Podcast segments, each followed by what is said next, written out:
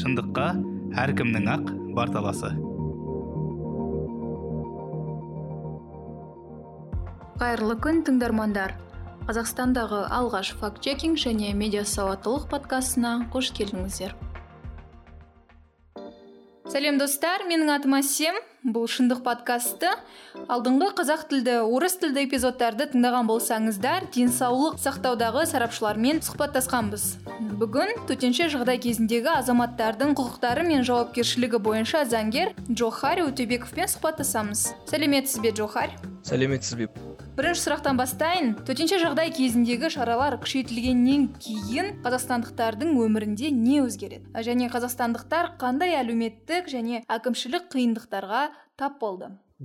Разумеется әрине ең бірінші кезектегі мәселе халықтың жұмысынан айырылуымен байланысты. алматыда яғни көбіне алматы облысының тұрғындары жұмыс істегені байқалады. Нұрсұлтан қарағанды және еліміздің басқа қалаларымен салыстырғанда алматы маңындағы елді мекендер қатаң оқшауланып қалды. Дегенмен қаскелең өтеген батыр сияқты қала маңын қалдыруға болар еді. Алайда болған іс болды. Қала маңының алматыға қаншалықты тәуелді екенін көрінді. Ә, мен осы туралы көбірек ойланамын. Сондықтан да бұл жағдай алматы облысының әкімдігін осы қала маңын дамыту және жұмыс орындарын тікелей сол жерде ашу қажеттілігі туралы ойландырады деп есептеймін.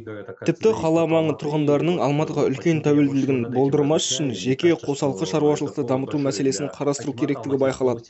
Тағы да өкінішті жағдай халықтың жиған терген ақшасының аз екендігін де айта кетуім керек. Көптеген адамдар жалпы алғанда келіп кетер қаражатқа өмір сүретіндігіне көзіміз жетті. Және оларға шынымен де қандай да бір әлеуметтік төлем сол қырық екі мың бес жүз теңге секілді қолдау керек. Әрине бұл қырық екі мың бес жүз теңгені елемейтіндер де бар бірақ соған қарамастан мақсатсыз алғандар да болды расымен де халықтың елеулі бөлігіне бұл жақсы жәрдем болды деп ойлаймын көптеген адамның қиын кезеңнен өтіп жатқанын көру мені қынжылтты өйткені өз басыма бірнеше адам мені жақында пәтерден шығарып жібереді балаларыммен өмір сүруге қаражат жоқ деп жазғандар болатын иә бұл шынымен де қорқынышты біз осындай қиындықтармен кездесіп бетпе бет келудеміз столкнулись с этим халықты әлеуметтік қорғау бойынша биліктің іс әрекеті қаншалықты дұрыс әрі орынды болды? Төтенше жағдай режимін және жаппай карантинді енгізуге дейін билікке өте пессимистік тұрғыдан қарадым дегенмен олар өз жұмыстарын қанағаттарлықтай атқарды деп ойлаймын. жалпы алғанда керемет емес бірақ жақсы. басты жетістік төтенше жағдай режимін уақытылы болмаса да жеткілікті дәрежеде тез енгізе алдық. мен ең алдымен заңгер ретінде өз ойымды айтайын. біріншіден қазіргі таңда ресейде путинді төтенше жағдай режимін енгізбегені үшін сынға алушылар көп бұл ретте біздің президенттің осындай режимді енгізу туралы шешім қабылдағанына лайықты бағасын беруіміз керек. Себебі осы кезеңдегі биліктің барлық іс әрекетіне құқықтық нақтылық бере алады. Бұл өте маңызды. Одан бөлек өмірдің өзі біздің төтенше жағдай режимін құқықтық тұрғыдан реттеуге мүлдем дайын емес екендігімізді көрсетті. билік осындай кезде қалай әрекет ету керегін уақытымен ойлап шешімін де таба бастады екіншіден біз бүкіл халыққа карантин режимін енгізу сияқты санитарлық шараларға дайын болмадық. Себебі бұл бұрынғыдай аурудың өршуі байқалған қандай да бір кәсіпорын жұмысын тыйым салумен бірдей емес. санитарлық эпидемиологиялық заңнаманың әлсіздігі айқын байқалды. оны да жүре келе өзгерту керек болды сонымен қатар санитарлық дәрігерлердің құзыреттілігі де күмәнді болып шықты. біздің билікке халықтың құқықтық сауатының төмен болуы бірқатар елдердегі оның ішінде ресейдегідей биліктің шешіміне шағымдану сияқты әрекеттердің болмаған үшін қуануға болады. билік қанағаттарлық деңгейде жұмыс атқарды деп есептеймін. мені әсіресе коронавирус 2020 телеграм каналы және биліктің жүйелі брифингтері қуантты. әрине күнделікті өмірде кездесетін қиындықтар осы кезде де орын алды. алматылық ретінде мен үшін ең қиыны ковидтің он екінші орталық қалалық ауруханада өршуі болды? сондай ақ тағы бір таңғалдыратын жайт карантинді алып тастаудағы асығыстық күн сайын алматыда жүз және жүзден астам жағдайлар анықталып жатқанын естимін. Дәл қазір бұл жағдайлардың қандай және қайдан шыққаны және оларға қарсы күрес үшін не жасалып жатқаны туралы ақпарат жетіспейді. Жалпы алғанда соңғы кезде осы карантиннің әсерінен біздің экономиканың құлдырау қаупі және билік сол үшін ғана бизнесті босаңсытып халықтың жұмыс істеуіне рұқсат бергелі жатыр деген ой келеді. Жоғарыда айтылған жағдай анықталып жатқандар мен ауырғандар санымен сәйкес емес және бұл маған сенімсіздік ұялатады. у меня такую определенную настороженность. Карантин шараларын қамтамасыз етудегі құқықтық қорғау органдарының әрекет туралы сөз қозғасақ әлеуметтік желілерде ішкі істер министр қызметкерлері күш қолдана отырып өте қатаң әрекет еткені туралы видео көп болды. Бұл туралы не айтасыз? В целом жалпы алғанда мен үлкен пессимистік көзқараспен дәл осы полиция қызметкерлеріне қарайтын.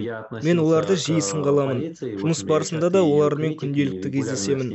жалпы менің пессимистік көзқарасымды есепке алғанның өзінде полиция салыстырмалы түрде қанағаттарлық әрекет етіп жатқандығын айта кетуім керек. Мен халықтың полициямен осындай қақтығыстарының оның ішінде күш қолданудың айтарлықтай жиілейтінін күттім. мен бұны полиция қызметкерлерінің санасына емес жергілікті органдардың ұстамды саясатына жатқызамын олар белгілі бір түрде полицияны тыныштандырады деп ойлаймын. алайда жекелеген жағымсыз әрекеттерсіз де болмады. және адамдардың полициямен белгілі бір қиындықтары да болды бұл ретте мұндай қиындықтар бейбіт серуендеп жүрген адамдар да бизнесте де болды.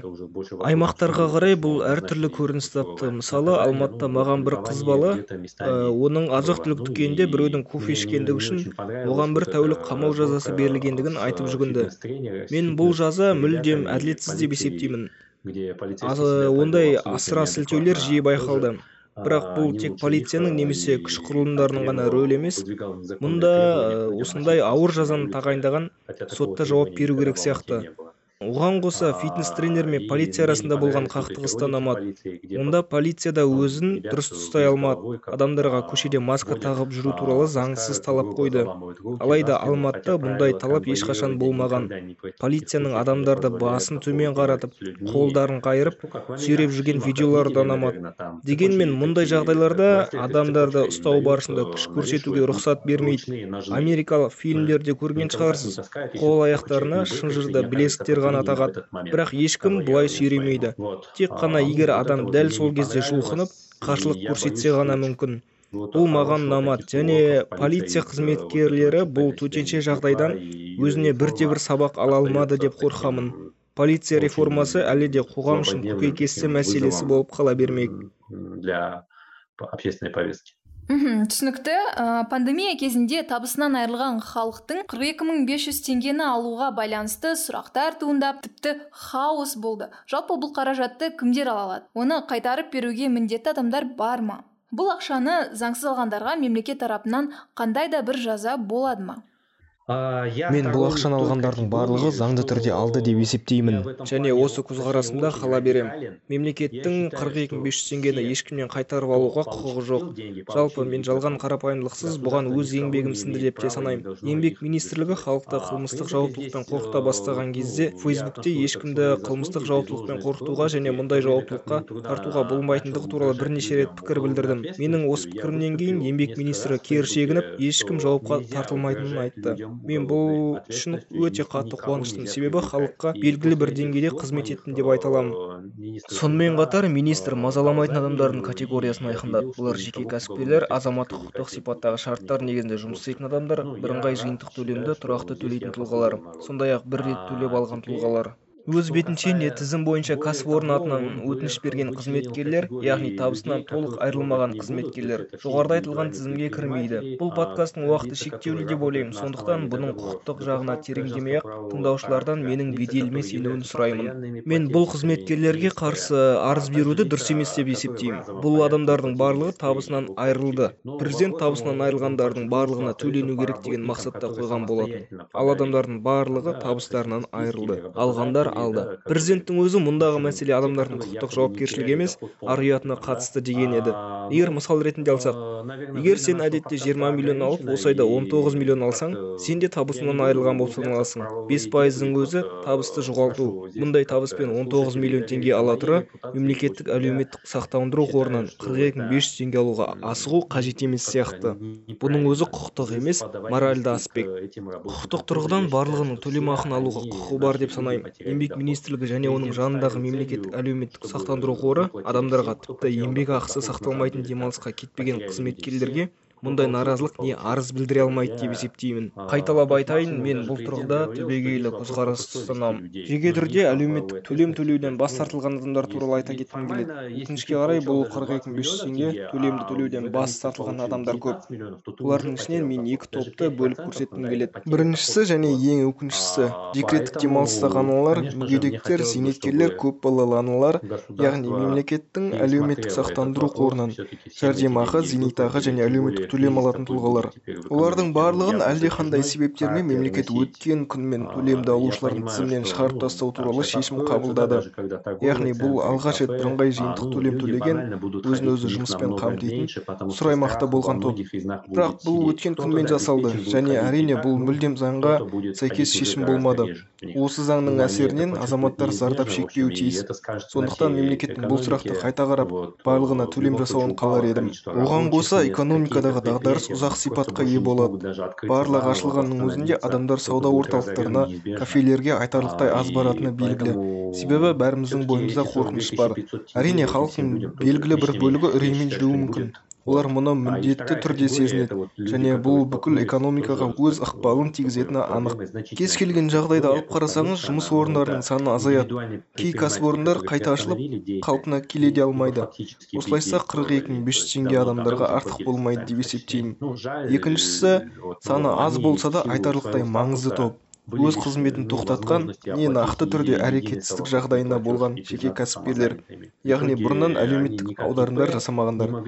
әрине өкінішті олар өз мәртебесіне байланысты бірыңғай жиынтық төлем төлеп өзін өзі жұмыспен қамтушылар ретінде таныта алмайды нәтижесінде олар әлеуметтік аударымдардың болмауына байланысты не жеке кәсіпкер ретінде де бірыңғай жиынтық төлем төлеп өзін өзі жұмыспен қамтушылар ретінде де осы қаражатты ала алмады. себебі жеке кәсіпкер мәртебесі бірыңғай жиынтық төлем жасау мүмкіндігін шектейді біріншіден бұл жерде олардың барлығына да осы қырық екі мың бес жүз теңге төлем жасау керек деп ойлаймын. Ал екіншіден бұл осындай мәселенің бар екенін айқындаған сияқты. бірінші сауалыңызда бұл жағдай бізге нені көрсеткенін сұраған едіңіз. жеке кәсіпкерлікті жою және қызметін тоқтатқан жеке кәсіпкердің бірыңғай жиынтық төлем жасау мүмкіндігі осы мәселені барынша дереу шешу керек деп есептеймін.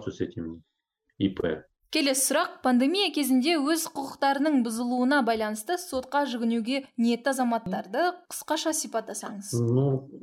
Коротко я уже затронул қысқаша түрде бұл сұраққа тоқталдым. дегенмен толықтыра кетейін. Негізгі мәселе халықтың әлеуметтік топтарында яғни қырық екі мың бес жүз теңге төлем ала алмаған азаматтарға олардың қатарына коммуналдық қызметтерді өтеу бойынша он бес мың теңге төлем алмаған азаматтар да қосылды оған қоса форс мажор жағдаймен кездескен жеке кәсіпкерлер де бар негізінен жалға алу бойынша яғни жалға алу үшін ақы төлеу бойынша қиындықтар туды жалға берушілердің барлығы түсіністікпен қарай бермейді кей жерлерде жалға берушілер де бұл ақыны бір жақты ету керектігін түсінеді мұндай мәселелер жиі кездесетін болады биліктің бұл қиындықтарды ең алдымен заңнамалық деңгейде шешуін қалар едім. жалға берушілер не істеу керек екендігін түсініп қырық екі мың бес жүз теңге және он бес мың теңге төлем алуға үміткерлерге жұмсақ және либералды көзқарас танытса деймін. бизнес үшін жоғарғы сотпен бұл жағдайдың анығын ашатын нормативтік қаулы қабылдау қажет төтенше жағдай режимінен шығып карантин шаралары жеңілдегеннен кейін адамдар ақырындап сотқа арызбен жүгіне бастайды деп ойлаймын төтенше жағдай кезінде берілмеген арыздың барлығы алдағы уақытта соттар жұмысын көбейтетін сияқты бұның өзі билік тарапынан үлкен кемшілік кеткендігін көрсетеді ол адамдарды сотқа дейін жеткізбеу керек соңғы сұрақ төтенше жағдай кезінде және аяқталғаннан кейін жұмыс берушілер тарапынан құқықтары бұзылған қызметкерлер қайда жүгініп не істеу керек? Иә жақсы сұрақ екен. Қазіргі таңда кәсіпкерлік субъектілерін тексеруге президенттің мораторийі бар. барлық нюанстары есімде жоқ. кәсіпкерліктің барлық субъектілеріне қолданылмауы мүмкін. ірі кәсіпкерлікке қатысты есімде жоқ. қарап көру керек. бірақ кіші және орта кәсіпкерлікте мұндай мәселенің бар екені анық. еңбек инспекциясы қазір осы жарлықтың шегінде тіпті жұмысшының өтініші бойынша тексеру жүргізе алмайды. менің ойымша бұл әрине дұрыс емес. Бұл жағдайда адамдарға заңгерлерге адвокат жүгініп сотқа бару керек. алдымен әрине мәселені жұмыс берушіге сотқа дейінгі наразылық беру арқылы шешуге тырысып келістіруші комиссияның шешімін күту қажет әрине билік өз құқықтары бұзылды деп санайтын қызметкерлер үшін қандай да бір ақпараттық канал қолдау ашса сонымен қатар жұмыс берушілер оларды өз мәселелерімен жеке қалдырмаса осылардың барлығы дұрыс шешім болатын еді.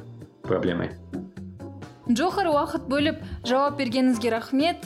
Бүгінгі подкастымыз барынша пайдалы болды деп ойлаймын. Жұмысыңызға табыстар тілейміз. Қымбатты тыңдармандар осымен уақыт аяқталды қазір болып жатқан шараларға сабырлықпен қарауға тырысайық. Келесі эпизодтарда кездескенше.